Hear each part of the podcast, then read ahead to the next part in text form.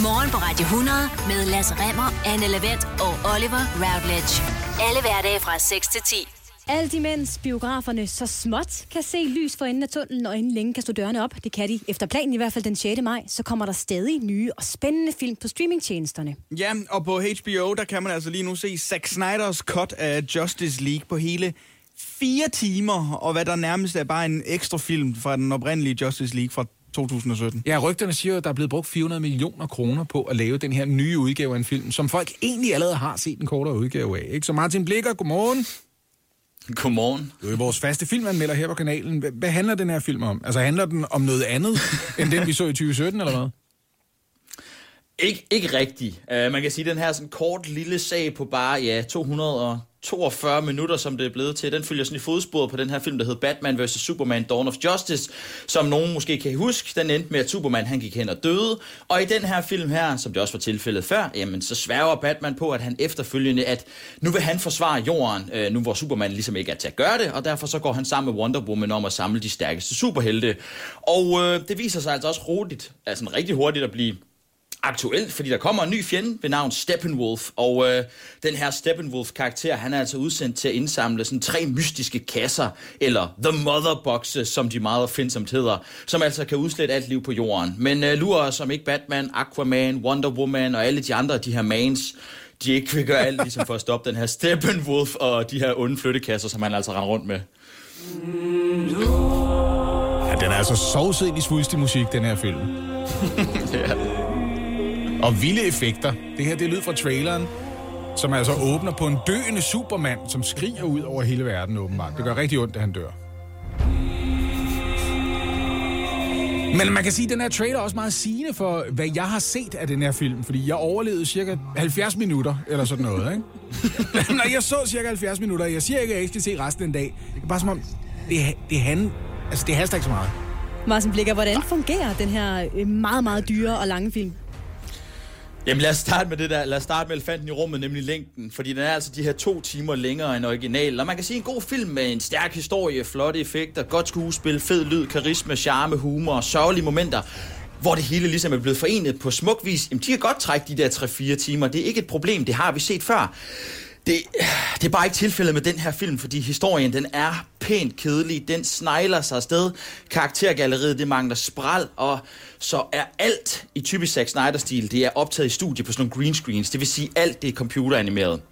Det føles aldrig ægte, og man bliver bare ikke revet med. Men jeg vil så sige, når det er sagt, den her kritik her, så er det stadigvæk en kæmpe forbedring i forhold til originalen fra 2017. Men fire timer, det er, ja, det er altså kun de sejeste filmfans af det her univers her, som kan se gennem fingre med det, og det var jeg ikke en af dem af. Så ja. lidt, lidt, lidt, et, lidt et maraton at sidde igennem. Altså, øh, det lykkedes Attenborough at lave en film om hele Mahatma Gandhis liv på 3 timer og 11 minutter. ja. Bare for at sætte lidt perspektiv. Martin uh, Blair, ja. hvem skal se den her øh, film, udover folk, der har fire timer til rådighed? Jamen altså strengt talt, hvis man lægger ind med fire timer til at se den her film, så vil jeg også mene, at man har 5 timer og 42 minutter, og så synes jeg altså, at man skal gense Avengers Infinity War en game i en køre, eller se dem for første gang. Men hvis man er kæmpe fan af DC-universet og Zack Snyders instruktør og visuel stil, jamen så er det selvfølgelig en film for dig, men derudover så er det altså en prøvelse for almindelige filmelskere. Så ja, det er sgu ikke en film for alle, det vil jeg gerne sige. Undskyld mit fransk her.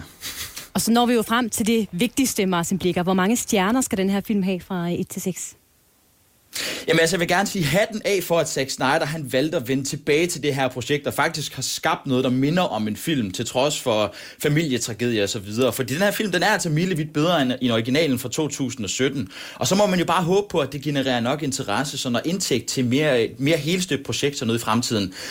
Men den er altså stadigvæk meget, meget langt fra de her succeser, som vi altså ser fra Marvel og Disneys side, som de jo altså nærmest bliver ved med at presse ud på samlebånd. Så tre ud af seks små stjerner kan jeg godt gå med til. Ja, tusind tak for anmeldelsen og for ordene. Bare lidt hurtigt sladder spørgsmål her til sidst.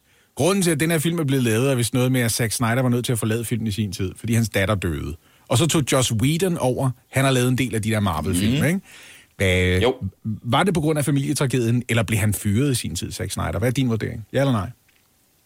Altså, han valgte jo selv at gå, men der er ingen tvivl om, at der var rigtig, rigtig meget kaos bag kulisserne, fordi at han lå meget, meget i strid med producerne for Warner Brothers omkring nogle kreative uenigheder om, hvordan filmen skulle se ud og så videre. Og nu havde de jo altså givet Zack Snyder rigtig, rigtig lang snor på nogle af de andre film, som han også har lavet for mm. dem, så derfor virkede det også underligt, at de lige pludselig ville til ligesom at minkle mere med, hvad han ligesom havde gang i. Men det har nok noget at gøre med, at han havde fat i nogle af de største ja, popkulturelle ikoner, vi nogensinde har set. Altså det er Batman, det er Superman, det er Wonder Woman. Så hvordan de ligesom bliver tøjlet på film, jamen det er der selvfølgelig mange, der har en mening om. Altså, hvis man gerne vil have flere jokes i en superheltefilm, skal man jo ikke hyre ham, og så bagefter brokse over, der ikke er nogen. Vel? Martin Blikker, tusind tak, for at du har brugt fire timer på den her film, og for din anmeldelse. Jamen, det er mig, der siger tak. Jeg har faktisk ikke tænkt mig at undersøge, om du er kvinden, der har opfundet det her fænomen. For jeg er så begejstret for det, jeg har bare tænkt mig at beslutte mig for, at det har du. Ja, ikke også? Det vil ikke være noget ærgerligt end så at opdage. Der er en, der har gjort det før i Indonesien for seks måneder siden. Jeg er så imponeret over den her idé. Allerede før jeg hører, om den virker, om jeg kan lide den osv. Jeg kan lide ideen, og ja. det er nok for mig, Anne. Fordi vi skal i gang med det, som øh, jeg tror godt, vi kan kalde det en verdenspremiere. På radiofoniske memes. Ja. Må du ikke sige, jeg tror. Jeg beslutter mig for, at det er en verdenspremiere. Og forhistorien er jo, øh, at man sætter sig ned og ser et øh, pressemøde, og man bliver en smule træt, kommer til at stemple lidt ud, kommer til at stemple lidt ind igen, og så misser man måske lige konteksten. Man finder, synes ikke altid, det ikke altid rigtig giver mening, det der bliver sagt. Så siger du, så hører man måske lige en sætning eller en brudstykke af en sætning fuldstændig uden, ude af sammenhæng, og så hænger den bare dingler Og i det luften. skete for mig, da jeg så pressemødet med øh, Søren Brostrøm i sidste uge. så nu har jeg klippet nogle af de ting, han har sagt ud, og så har jeg tænkt mig at øh, skambruge dem i en kontekst, som de ikke skal bruges i. Det er faktisk den vildeste nyhed, det er, at Anna har siddet og set et pressemøde sammen med Søren Brostrøm. Ja.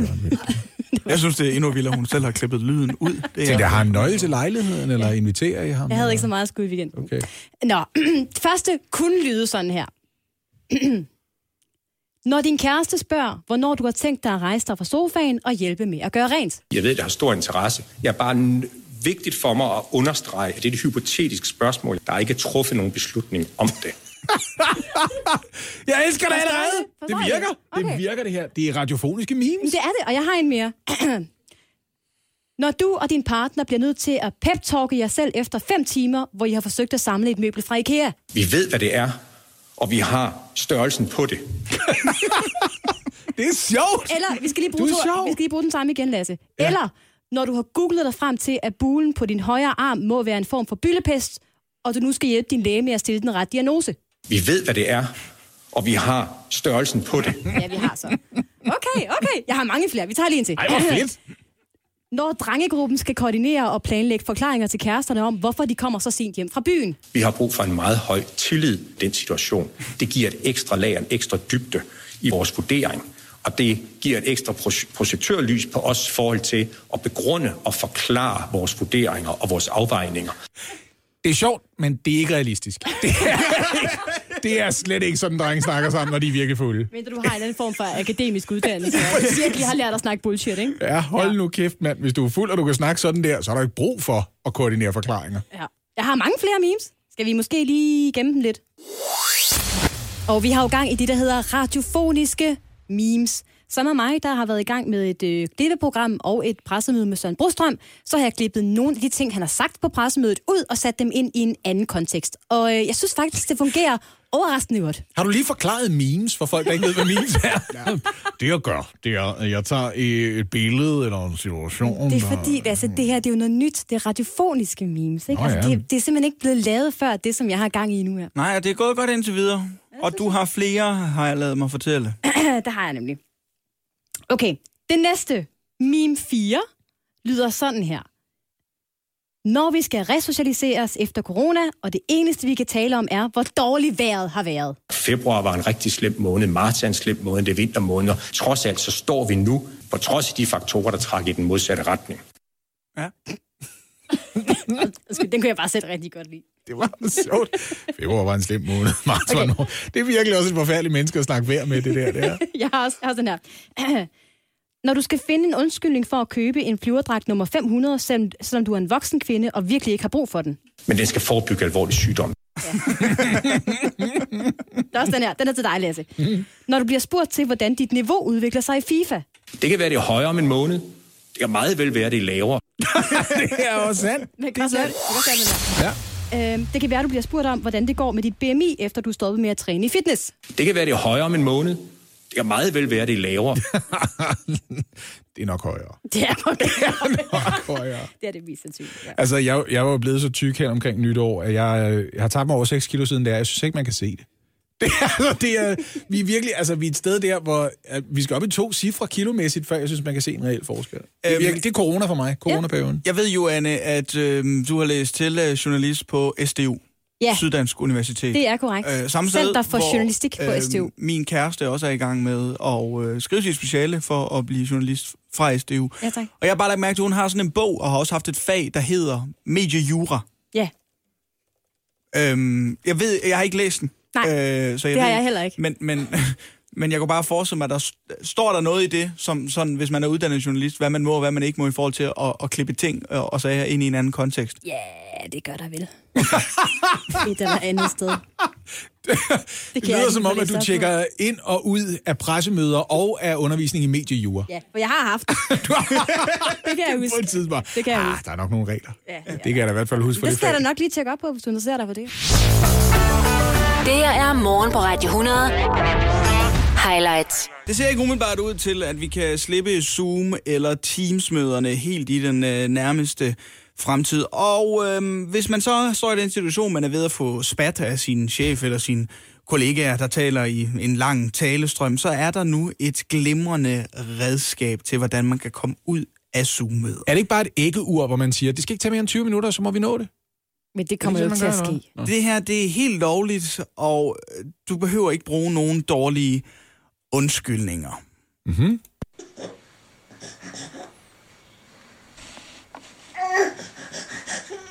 Er der en baby herinde, eller hvad? Hvem er det? Hvad er det der, Oliver? Der sidder nogle lyttere og er helt Hvad forvirret nu der? og tænker, er der et barn i mit bil? der Eller hvad? barn? Jeg synes, det har været super udbytterigt, men jeg er lige nødt til at smutte nu. Ja, mit, mit barn græder. Det er en af mulighederne, fordi inde på den her hjemmeside, der hedder Zoom Escape, der kan man nu flygte ud af Zoom-møder. Man skal vælge den rigtige undskyldning, ikke? Fordi der er, det nytter ikke noget, hvis der er nogen, der siger, prøv at høre, Bitten, du er en 63-årig single kvinde, og jeg tror simpelthen ikke på, at der er spædbarn der, men men det kan være så meget jo. Hvad kan man ellers finde? Den her. Det vil være så hårdt et Zoom-møde. Og begynder at Prøv at høre, min, øh, min bror, han er lige flyttet ind, og øh, han er lige blevet skilt. Han har virkelig brug for, Jeg jeg har lige virkelig han har brug for min hjælp, okay? Det er dumt, Du det kan her. også, du kan også øh, fake, at der sker noget inde ved siden af. Hold da op. Ja, de, er gang, de er lige gået i gang med udbygningen. Jeg kan ikke høre, hvad du siger, chef. Fordi, øh, min nabo larmer lidt, chef. Jeg bliver du så lige lukke af nu. Man kan også bare gøre det akavet, kan man ikke? Jo, det kan man nemlig. Ej. Jamen, så skulle vi have rundet det her møde af for længst. Jeg ved ikke, længere. Jeg kan simpelthen ikke holde det Så er længere. det de andre, der lukker af. Eller hvis man kan slippe afsted med ikke at have kamera. Mange af dem her kræver, at man ikke har kamera på. Ikke? Jeg er lige ude at gå en tur. Hvad siger I? Kan I gentage? Ideen med det her er vist også, at det skal være pisse irriterende for de andre, man bliver Præcis, hængende. Det er mere sådan noget, nej, nej, jeg vil gerne gennemføre. Og skal man, man skal være sådan en type, der ikke lige kan finde ud af at mute sin mikrofon også. Mhm. Mm-hmm. I stedet for at have en undskyldning for at forlade mødet, så er det jo federe, hvis de andre siger, kan du ikke lige... Uh... Ja, du kan Ja, nok du- lige af at få fikset det der. Ja, kan vi ikke lige slippe for Oliver? Zoomescaper.com. Man går derind, og så får man hjemmesiden til at samarbejde med den Zoom-app, man, øh, man har. Der er en tutorial på, på YouTube, så det tekniske, det vil jeg altså ikke gå, gå nærmere Nu ind var i. det her bare underlægning, men jeg kan se, den kan også fake en irriterende feedback-echo-ting, og den kan også lave sådan en choppy connection, hvor man laver sådan... Ja, Hvor- man, kan, man, kan, man, man kan få Der- en, en dårlig Kom- forbindelse. Og de der det der. ekko, ekko. Ja, nemlig. Ja, det er også irriterende. Ja. Så kan man bare råbe, hvad drikker Møller? Og så siger, så behøver ikke længere at bruge dårlige undskyldninger, fordi hvis du sidder i et zoom du ikke har lyst til at være i, så er det simpelthen bare dine omgivelser, der er skyld i, at du ikke behøver at, at deltage. Og her, der vil jeg bare sige, vi er ikke et, øh, en, et, en radiokanal, der behøver at lave public service som sådan. Nej. Men det her, det eneste, jeg har lyst til at sige, det er selv tak. Jeg har lige øh, opdaget, at fyren, der har lavet den her service, han har også lavet øh, en hjemmeside, der hedder Zoom Deleter, og det er sådan et program, man har liggende, som sørger for, at hvis nogen prøver at installere Zoom på ens computer, så sletter den det igen. det, er, Nej. det er det eneste, den kan. Det er også, Oprettet af en mand, der er rigtig træt af Zoom. det tror jeg, du ret i. Morgen på Radio 100. Highlights.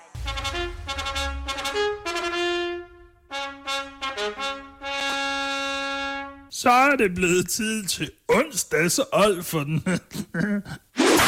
Au, det gjorde nas. Jeg hedder Lasse, og jeg beder om 400.000 kroner for 5% af mit jingle-produktionsselskab. Og vi er så meget ude. ja, ja, det ved jeg godt. Der er absolut ingen priser for at gætte, hvem min onsdagsolfer den går til. Det er noget Fodbold! Super League. Fodbold! Ja, det er Super Fodbold! League, Super League, Super League. Jeg har tænkt mig at trække underbukserne så langt op imellem ballerne på de såkaldte fodboldfagfolk, som har stemt ja til Super League. Tanken om at lave en liga, hvor kun de rigeste kan lege med, og en liga, hvor man ikke kan rykke op eller ned, fjerner hele eksistensgrundlaget for verdens bedste sport. Det smukke ved fodbold for mit vedkommende, det er, at i teorien, så kan Vendsyssel FF om tre sæsoner stå i en Champions League-kamp imod Barcelona. Mm. I teorien. I teorien, I det kan teorien. de. Hvis de vinder første division næste år, de vinder Superliga noget efter. Det er jo kvalificeret til Champions League. Bum. Så kan Vendsyssel stå i en Champions League-kamp imod. Og det er alt, hvad der skal til. Præcis. Og hvis du fjerner det aspekt fra fodboldverdenen, så ødelægger du den sport, som så mange folk i hele verden kender og elsker. Og der er simpelthen en helt specielt plads reserveret i helvede til de her folk. Og derfor så sender jeg min onsdagsholdfot direkte i deres retning. Jeg øh, har egentlig allerede via min hustru øh, delt en meget, meget øh, lille anekdote, og den føles også ubetydelig efter din onsdag, Solford.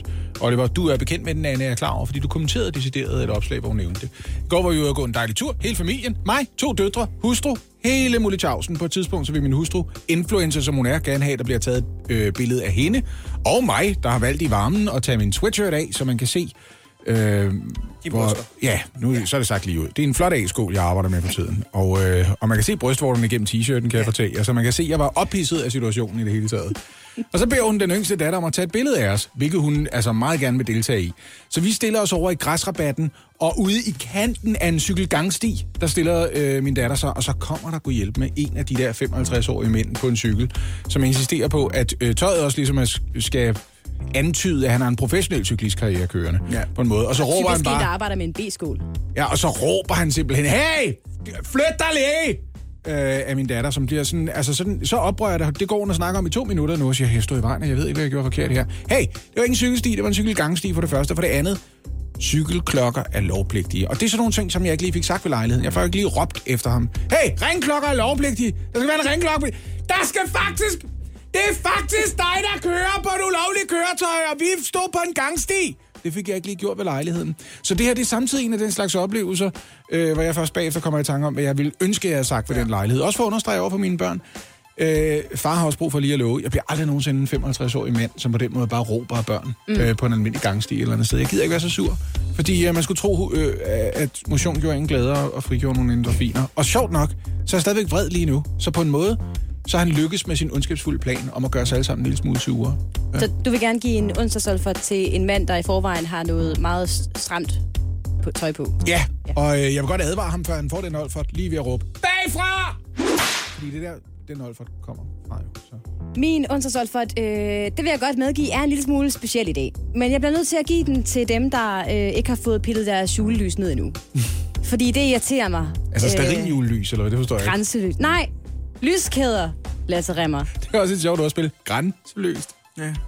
Lyskæder. Det er ikke sjovt. Jo, det er det er, faktisk det er lidt sjovt. grav alvorligt, det her. Ja. Fordi jeg er så træt af folk, der har lyskæder hængende i buske, krat, træer, altaner, whatever, fordi vi er i april måned. Vi skriver den 21. april, og man skal ikke have julelys op længere. Sådan er det bare. Er de ikke bare tidligt ude med øh, Nej. julelys? Okay. Det er de ikke. De skal pille det ned. Jeg føler, at det her er meget personligt henrettet. Hvem er det, der har noget julelys Hvem er det, der har Hvem er det, vi julelys snakker om? Det er, min er under, det? er min underbo. Det er en meget... Julelys Yes, vi til til det. i december måned, og man skal faktisk helst pille det ned inden januar. I hvert fald inden Hellig Tre Konger. Det skal man i hvert fald gøre, fordi så gider vi ikke se på det mere. Og slet ikke nu, hvor det er lyst udenfor. Det er komplet unødvendigt, og det piller al hyggen ud af det, når vi så når frem til december, fordi guess what? Du har haft det hængende hele året. Øh, handler det her i virkeligheden om, at man har droppet eventuelt, når I har møder i ejerforeningen? Er det det? Er det det, der er problemet? Lidt. Ja, okay. Giv dem en alfald. For en for der. Bare rolig.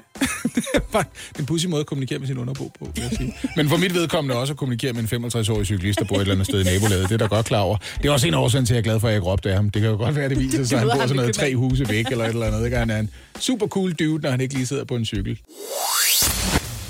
Restauratører, som om sider får en mulighed for at bespise folk i deres egne lokaler, og ikke bare sende dem hjem med takeaway for eksempel. Fordi som en del af den fremrykkede genåbningsaftale, så er det fra i dag muligt at komme ud og spise og drikke og slå gækken løs frem til kl. 22. Det er sidste servering, 23. Så skal du være ude af vagten. Der smutter du hjem. Og derudover, det er altså en ting, som kommer meget bag på øh, flere af de blå partier især, som ellers har skrevet under på aftalen. Man skal have en reservation mindst 30 minutter, før man dukker op.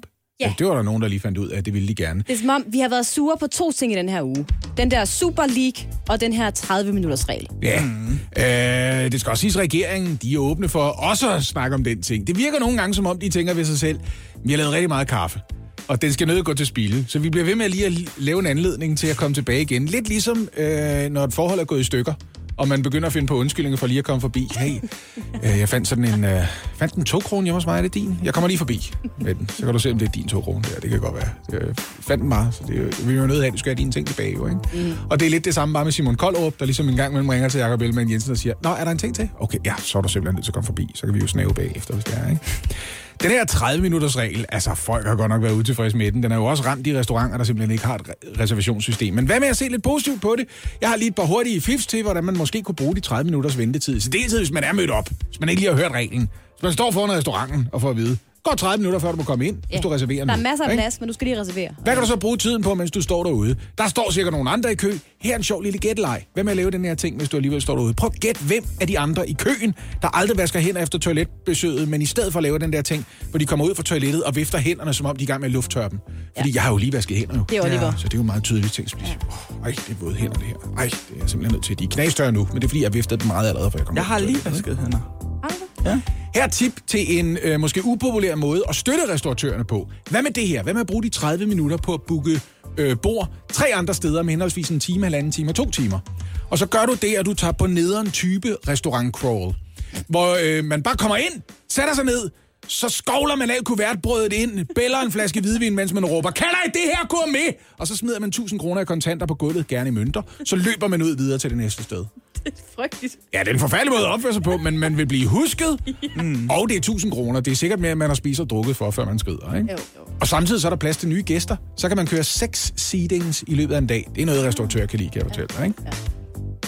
Så har jeg en lidt mere øh, stilfærdig ting, som jeg tror et eller andet sted øh, også ville være øh, populær. Det ville det være hos mig i hvert fald. Spørg dig selv, om det ikke er på tide, du geninstallerer Pokémon Go. Er det ikke nu? Er det ikke ved at være der, hvor det er lidt retroironisk at sige, hey, hvad er der egentlig sket i det univers? Kan I huske dengang voksne mennesker spillede Pokémon Go? Ja. Ja. Min kone og jeg tog på en ekskursion til det, de hotteste steder i Nyhavn, hvor der altså stod 20 voksne mennesker, der stod og fangede de samme monstre, fordi det var et af de rigtig saftige steder, ikke? Ligesom lystfiskere kender de steder, hvor det er her ørreden er god. Det er her, den er dejlig, og der er sket rigtig meget. De er oppe på fjerde generation, så der er kommet rigtig mange nye monstre. Har du overhovedet hils på Hoot Hoot, Typhlosion eller Bastiodon, hva? De har savnet dig, og de vil gerne fanges. Gotta catch them all, som vi ved, ikke? Så prøv at se lidt positivt på det, ikke? Eller vent på, at Simon Kollerup inviterer dig til kaffe. Siger, kom så forbi, hvis der er noget, du gerne vil diskutere. Bare lige reserver, lige reservere en halv time før, før du kommer i Erhvervsministeriet. Ja. Kan ikke bare dukke op. Man må vel egentlig, hvis man skal spise et sted, hvor der er udendørsservering også, så kan man vel godt lige bruge den halve time på at bælle en fire fadøl, og så sætte sig til bords. Det kunne man også godt gøre, så man også festligt selskab, når man ankommer. Det her er morgen på Radio 100. Highlights. De øh, unge rører sig ikke nok. Børn og unge, de bevæger sig i gennemsnit cirka en halv time om dagen. Det er blevet til 32 minutter øh, i løbet af vinterens coronanedlukning hver eneste dag, og det er simpelthen for lidt. Det er jo blandt andet noget at gøre med, at meget undervisning er foregået foran en computerskærm, og det er ellers sådan efter skolereformen, at der er blevet tænkt en del bevægelse ind i løbet af skoledagen. Det er tanken, at selv uden for idræt, der skal der lige lægges noget ind en gang imellem, hvor man lige kommer op og rører sig lidt. Det er sundt for hovedet. Det er nemmere at slappe af bagefter og koncentrere sig om undervisning. Men det er vel også noget med, at øh, idrætsfaciliteterne jo har været lukket ned. Altså, der er jo mange, der ikke har kunne spille øh, badminton og øh, indendørs fodbold, og hvad man ellers går til. 100 procent. Det er jo ikke bare gymnastikundervisningen og den der leg i frikvartererne og sådan noget, som mangler. En undersøgelse fra Syddansk Universitet øh, afslører, at det er 87 procent, det er syv ud af otte skoleelever i alderen 6-16, som selv siger, at de ikke lever op til anbefalingerne om at bevæge sig 60 minutter om dagen. Det er for lidt. Man skal bevæge sig 60 minutter om dagen. Det viser sig, at det er vel egentlig også en anbefaling for voksne. Der, de skulle da også lige spørge mig. Det er jeg ikke sikker på, at jeg altid får gjort. Det kan jeg godt se. Jeg tror faktisk, anbefaling for voksne er en halv time. Åh, er... Åh, så kan jeg slappe en lille smule af igen. Men altså, der er jo nogen, der lige er nødt til at ruske op i de unge og sige, I ved det godt selv, jo tydeligvis, når I bliver spurgt. Ja. Hvis I kun bevæger jer 32 minutter om dagen, og I mangler 28, der skal et eller andet til. Og jeg har mm. før, synes jeg selv med stor succes, lige været ude og tale de unge sprog. Jeg skulle, øh, jeg skulle i kontakt med den slags. Jeg jo også gift med en kvinde, der er 20 år yngre, ikke? så jeg ved godt, hvordan youngsters taler nu om stunder. Ikke? Youngsters. Øh, ja, ja, lige præcis. Fordi hey, youngsters, hvad? Så er der slut med at lægge fiseposen af lummer, råb neglene, get going ud over stepperne, out over the steps. Kan du gå mindst 3.000 skridt om dagen? Hey, turtle. Er der for chicken til at move your butt? Du kunne jo blive helt høj på 1, 2, 3 delfiner, hva? Grib din Discman på med den bedste for Spice Girl og vær dit eget huds sp sp sp Sporty Spice, hvis du tør. Hvad med at være med i vores konkurrence? Grib det digi-kamera fra KK Canon, du fik i konfigave. Tag et selfie, hvor du er udenfor. Så får vi Albert Dyrlund til at trække lod blandt alle indsendte bidrag om en gratis plakat med Sportacus. Ja, ham fra Lazy Town. Og 6 ugers forbrug af creme finnen, det unge alternativ til piskefløde. Dit hjerte skulle gerne sige TikTok i mange år endnu. Du har jo ikke lyst til at få sidestik af og give en high five til din body, vel? Husk at like og subscribe. Sådan der, så er det løst. De skal bare ringe til mig. Det er altså en øh, ungdoms øh, pep talk BNS på programmet. Det kan man godt høre. Hurtigt, ikke? Man skal heller ikke regne med, at man har de unge som opmærksomhed i så lang tid. Det er derfor, øh, videoer på Instagram, de må ikke være mere end 30 sekunder eller sådan noget. Mm. Det er fordi, de er godt klar over, at du skal af med budskabet og så ud over stepperne, ikke? Ja. Var det Albert Dyrlund, der skulle... Ja. Men- creme. Er det ikke ham, der, der nærmest... Vi har prøvet at skaffe Sofie Lassen Kalke fra øh, Kærlighed ved første hik, men hun kunne ikke. Nej. Men det er ikke ham, der nærmest er blevet udskammet i influencerverdenen. Ja, der var lige en overgang, hvor han klippede sit hår lidt mærkeligt og rørte ved en hundelort. Men altså, han er kommet på ret spor igen og har lavet en viral video, hvor han går på tværs af Danmark klædt ud i noget, der skal forestille at være vikingetøj, men vist mere noget, han har hentet ned på et amatørteaterlager. Okay. Ja. Yes. Har I set den? Nej. Så går han rundt og trutter et horn og råber noget og insisterer på at sove i det fri. Og det er altså gået øh, viralt internationalt, fordi han taler engelsk på hele videoen, ikke? No. Øh, I sin Albert Durland-video. Han hedder noget andet på engelsk. Jeg er ikke helt styr på, hvad der, er, der foregår, men han er ung. For første gang i mit liv, så har jeg skrevet en øh, nekrolog. Mm. Øhm, det er en trist dag i dag øh, for mange. Det er en glædens dag for andre. Men øh, jeg synes bare, vi skal komme i gang med det. Vi er samlet her i dag for at tage afsked med det dårligste fra fodboldens verden siden den dag i Zürich i 2010, hvor Rusland og Katar blev valgt som værtslande for VM. Utak for nogle øh, meget intense dage fyldt med forundring, had og spørgsmål til den sport, vi alle kender og elsker. Det var den herrens dag, 18. april 2021, at verden forpestede os med dit selskab, og tænk så, at du skulle få lov til at blive så gammel, som du blev. Hele tre dage, selvom ingen i deres rette sind overhovedet mente, du havde en eksistensberettigelse, så blev du ved med at kæmpe med næb og klør. Med dig har du taget José Mourinho, som nu af urensagelige årsager vil blive husket for at være en mand, som vil fodbolden det bedste, frem for at være manden, som fik Tottenham til at spille fuldstændig elendigt. en tak skal du dog have på din vej. En tak for at minde os om, at det ikke kun er i UEFA og FIFA, at de største og mest grådige folk de sidder. De er åbenbart ejere af nogle af de største 12 klubber i Europa. Af grådighed er du kommet, og af grådighed skal du gå. Hvil i fred, European Super League. Ej, hvor var det fint. Meget rørende, Oliver. Ja, Meget rørende. dejligt. Men der er stadigvæk to klubber tilbage, ikke? Jo, der er stadigvæk Barcelona og Real Madrid. så, kan, så, kan de, så kan de spille Classico igen og igen og igen. Vi spiller en Classico otte gange om året, hvis det er det, de vil. Åh. Jeg tror, rigtig mange mennesker er lettet over den udvikling. Det er slut nu. Jeg Ja. gider ikke mere at snakke om det her. Og det er blevet tid til Hvad i alverden, vores udenrigsmagasin her i morgen på Radio 100, fordi vi jo er et program med internationalt udsyn og indblik, som jeg plejer at sige. Det siger du altså lige efter, vi har haft en gennemgang af danske kommuners slogans. Så nu skal vi til udlandet. Ja. Vi skal til Kina, nærmere bestemt skal vi til Guangdong-provinsen. Nå, så ved jeg, hvor vi er. Ja, hvor en 60-årig mand møder op på hospitalet med simpelthen så øh, voldsomt ondt i mave. Ondt i liv. Han har voldsomme mavesmerter. Han fortæller, at han har det som om, der er noget inde i ham, der gør, at han hverken kan prutte eller lave nummer to. Det er da en forstoppelse. Og det er selvfølgelig på ingen måde særlig rart. Nej, det er da en form for korkprop. Ja, det er rigtigt nok. Lægerne på, han... lægerne på hospitalet, hvor den ene, ene hedder øh, Dr. Jung, tager henvendelsen meget seriøst, kører den her stakkels mand til røntgen for at se, om de kan se noget inde i ham, eventuelt en forstoppelse. Ja. Øh, og de kan øh, mildt sagt godt få øje på noget. Fordi Nå. da de ser de her øh, røntgenbilleder, opdager de en meget tydelig silhuet af en flaske inde i manden. Øj, så har man været på druktur, hva'? En, en flaske, der sidder meget langt oppe i mandens endetarm. Nå, okay, det er ja. altså mere end en kæp i øret, det der. Hold nu kæft, hva'? øh, og, Bunde eller resten i tarmen? og det er ikke en lille ubetydelig flaske. Der er tale om en 18 cm lang og 5 cm bred glasflaske med Florida Water Cologne, Nej! viser de sig. Parfume, eller hvad? Simpelthen. Ja, i hvert fald en, en cologne. Jeg prøvede at google det i går. Det er, det er simpelthen en ting. Man kan godt købe det. Er Øh, 18 cm langt. Det er meget voldsomt, ja. Øhm, de konfronterer den her øh, mand med mavesmerter og siger, prøv at høre, altså, vi kan da godt forstå, at du har lidt problemer, øh, fordi der sidder simpelthen en kæmpe flaske op i dig. Så er det, manden kommer i tanke om, nå ja, Nå! jeg kan da godt huske, øh, hvordan den måske kan være øh, havnet der. Ja. Han har nemlig haft problemer øh, med sin bagdel.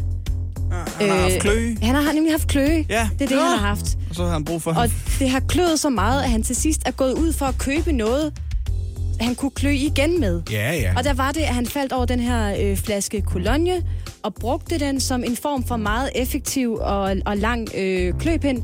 Og så skete der simpelthen det meget uheldige, for det var et uheld, siger han, at flasken pludselig svuppede op i bagen. Det er både en indlysende løsning på anale kløe, og samtidig også en sandsynlig forklaring, synes jeg. Nej. Der er jo ingen, der ved den lejlighed for eksempel ville, det ved jeg ikke, hvis det var rigtig slemt, og han ikke ville gå til lægen med det, du måske købe et par rengøringshandsker, eller sådan noget, iføre dig dem, og så på en hygiejnisk måde prøve selv at klø Det igen. kan være, at røven den klør hans arm var for kort, jo. Nå ja, det kan jo Den her stakkels 60-årige mand, som er anonym, hvilket jeg godt forstår, udtaler følgende. Jeg var meget utilpas, så jeg købte en flaske med Florida Water og begyndte at krasse der, hvor det kløede. Pludselig forsvandt flasken uheldigvis op i mit anus. Ja, øh, det er pudsigt, at han ikke lægger ud med at sige, her er mit problem, men siger, jeg, jeg, jeg, jeg, jeg har har lidt forstoppelse. Jeg kan simpelthen ikke forstå. Nu siger, det er også rigtigt, der er en 18 cm lang flaske op i numsen. Det ender godt, det her, venner. Bare roligt. Det lykkedes lægerne at få flasken ud af mandens endetarm, og han kunne derfor øh, forlade hospitalet med et velfungerende tarmsystem og en flaske, der helt klart skulle øh, afsprittes. Dr. Jun har efterfølgende pointeret til lokale øh, medier i provinsen, at der altså er mere logiske løsninger til at behandle et kløende anus. Nå, ja, ja det kan man da. Det kan man sige. Ja. Hvad vi griner af her er jo også, at det til synligheden er så skamfuldt for mænds vedkommende på den måde at anskaffe sig alternativ tekstlegetøj, ikke? Og gå nu til lægen, mænd. Morgen på Radio 100. Highlights. Morgen på Radio 100 præsenterer Det vidste du ikke, du gerne vil vide. Altså, jeg ved ikke, om det er sådan en øh, britisk officer følte, det var under 1. verdenskrig, fordi øh, altså, forholdene var jo bare anderledes der tilbage i 2016. Øh, forholdene under krig dengang var jo reguleret af en lang række øh, regler, som blev overholdt faktisk. Ja. Der var ikke den der snavsede krigsførsel, hvor folk de ligesom bare sig i en camouflagejakke og sagde, så må du gætte på, hvem jeg holder med. Men det kan være, jeg skyder dig om et øjeblik. Mm. Det var der ikke noget af dengang. Der var meget noget med, "Jamen, jeg har taget det her flag med, så kan du se, om du må skyde mig eller ej. Og hvis du kan ramme mig, tillykke. Så har du været den Jeg bedre vifter med soldat. her, flaget, så må der skydes. Den officer, jeg taler om, han var 29 år gammel i 2016 og hed Robert Campbell. Han var kaptajn, og han var blevet taget til fange af tyskerne under 1. verdenskrig. Ja. Så han sad altså i, som krigsfange i Magdeburg, øh, da han fik forlydende om, øh, at hans mor, ramt af cancer, som hun var, lå øh, på sit dødsleje. Rigtigt. Ja. Og det er jo forfærdeligt, men så sker der så det, at den unge officer henvender sig direkte til kejser Wilhelm den anden og siger, min mor er øh, i så frygtelig øh, trist stand, og jeg kunne så godt tænke mig at nå at hilse på hende, før hun dør. Og der er jo ikke udsigt til, at krigen den stopper snart. Kan jeg få lov til at tage til England og besøge hende? Mm. Og så svarer kejser Wilhelm, hvis jeg kan få deres ord som officer på, at de vil vende tilbage, efter de har besøgt deres mor, ja, så tag til England. Fordi han i princippet bare kunne blive væk. Så fik han overlov. Nå, ej. Så- Orlov fra, fra at være krigsfange. Ja, Nå. og så tog han hjem og hilste på sin mor, øh, og sagde, åh, græd ved hendes sengeleje, og fik sagt, rejse, taget afsked Ja. med hende og så videre. Og bagefter vendte han tilbage og sad i fængsel i yderligere to år i Tyskland. Og så sluttede krigen, og så kunne han tage hjem igen. Hvor er det vildt. Det er helt vanvittigt. Åh, oh, det er det godt nok. Fordi jeg garanterer dig for i 2021, hvis Danmark var rodet ud i et eller andet, og der var en krigsfange, der fik lov til at komme hjem på en eller anden form for sygeoverlov eller sådan noget, så ville der stå nogle øh, danske politikere og sige, nej, men du, du bliver her. Ja, ja. Det, Du skal ikke nogen steder hen. Og teknisk set kunne de også have gjort det dengang, men han havde jo givet sit ord, Anne. Og hvad var en mand, hvis han ikke holdt sit ord i 2000, øh, slået i 1916? Det er jo noget andet end i 2021. er det, må man sige. Det er det sådan et, psych, snød der, stor snyde til dig. Det havde jeg simpelthen. Jeg tror også, jeg var blevet væk. Helt ærligt. Nå, men han var officer, og han var en britisk gentleman. Og øhm, så er der også det ved det, at han havde en begrundet mistanke om, at hvis han ikke var vendt tilbage, så var det gået ud over hans medfanger. Okay. Og så har der været sådan en, du ved, solidarisk straf, som sagde, Nå, jamen kaptajnen sagde, han ville vende tilbage. Det gjorde han ikke. Så, Så nu? nu- er der pisk til alle. Ja. Eller, det ved, det ved jeg ikke. Hvad Hårdt straffefangearbejde eller Ja, ja, andet. ja. Det ved jeg ikke. Jeg er ikke historiker nok til at vide, hvilke sanktioner man ville have brugt dengang. Det var jo også andre tider der, end det var allerede under 2. verdenskrig. Jeg ved ikke, hvor brutale de har været. Mm. Så, ja. Men det er en ret vild historie. Ja, det er det faktisk. Tag hjem og besøg din mor, kom tilbage og være lidt mere krigsfange. Ja. Så sætter vi dig fri, når krigen er forbi. Hvilket de så i øvrigt også gjorde. Ret vildt. Og det er på den her tid, en fredag morgen. Øh, jeg, det er ikke med vilje, jeg gør det. Sandsynligvis for dig til at rødme en lille smule, Anna. Jeg beklager, at det er sådan, du reagerer. Ja. Jeg prøver ja. at formidle aktuelle begivenheder, nyheder øh, i det hele taget, på en måde, som måske også taler til folks libido. Jeg har aldrig set mig selv som øh, en særlig bonert øh, type, før du indførte det, som du har valgt at kalde øh, sexy news her i morgen på Radio 100. Der er det ved det, Anne. Ja. At i dag, der har jeg kastet min opmærksomhed på øh, en nyhed, øh, som du allerede selv har dækket. Ja. Øh, dækket, ikke bedækket, vil jeg mærke. Og jeg tror, oh, det begynder allerede. Anne, at det muligvis vil gøre, at det er nemmere for dig, øh, jeg havde nær sagt sluge, men fordøj i hvert fald, øh, den her nyhed. Fordi altså, det, det tager lige brøden af det, synes Okay, jeg. ja. Du ved allerede, hvad det her det handler om. Okay. Så der kommer ikke sådan, sådan nogle overraskelser i det her. Vel? Nej. Godt. Og, øh, og, og det gør, håber jeg, at du kan slappe af.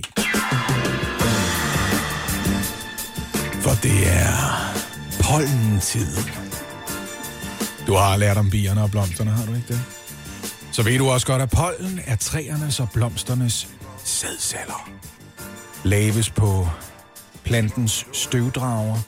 Og vi ved jo alle sammen godt, det er ikke størrelsen på støvdrageren, der gør det. En lille støvdrager kan faktisk drage rigtig meget støv. Ladies. For tiden er det birketræerne, der er botanikkens svar på Peter North. De sprøjter enorme mængder pollen ud i luften, gør de de frække birketræer. Og du kan ikke slippe for dem, de der pollen. Du kan ikke slippe for dem. Det er som at have en siamesisk tvilling, der også er blotter. Han er hele tiden liderlig, og han er hele tiden til stede. Birke er jo et øh, fornavnet på 1300 grænvoksne danske mænd. Og et par drenge i den kønsmodne alder. Og den her, den går ud til jer, birkedrengene. Hold op med at bruge vores kropsåbninger på den måde, uden at spørge om lov, ikke? For vi ved godt, hvordan I præsenterer jer selv. Alle 1300 birkefyre. Navnet er Birk. Det er mig, der får det til at klø i dine slimhinder. Skal jeg lige få dig til at nyse? Skal Birk få dig til at nyse den rigtigt igennem, så hele kroppen sidder? Skal Birk få dig til at nyse, så naboen sætter en seddel op i opgangen, hvor der står, hey nabo, det er dejligt, du får nyst igennem, men behøver du at gøre det for åbne vinduer? Vi er faktisk nogen, der har børn. Det ligger ved at nyse, det er jo, at de fleste af os, øh, vi kan ikke nøjes med at nyse engang. Vi nyser mindst to gange i træk. Efter første gang kan det godt være, at man tænker, åh, oh, det var dejligt nys, det der. Men det mærkelige det er, at kroppen ligesom siger, tror, jeg kan igen med det samme. Nogle gange nyser man tre gange.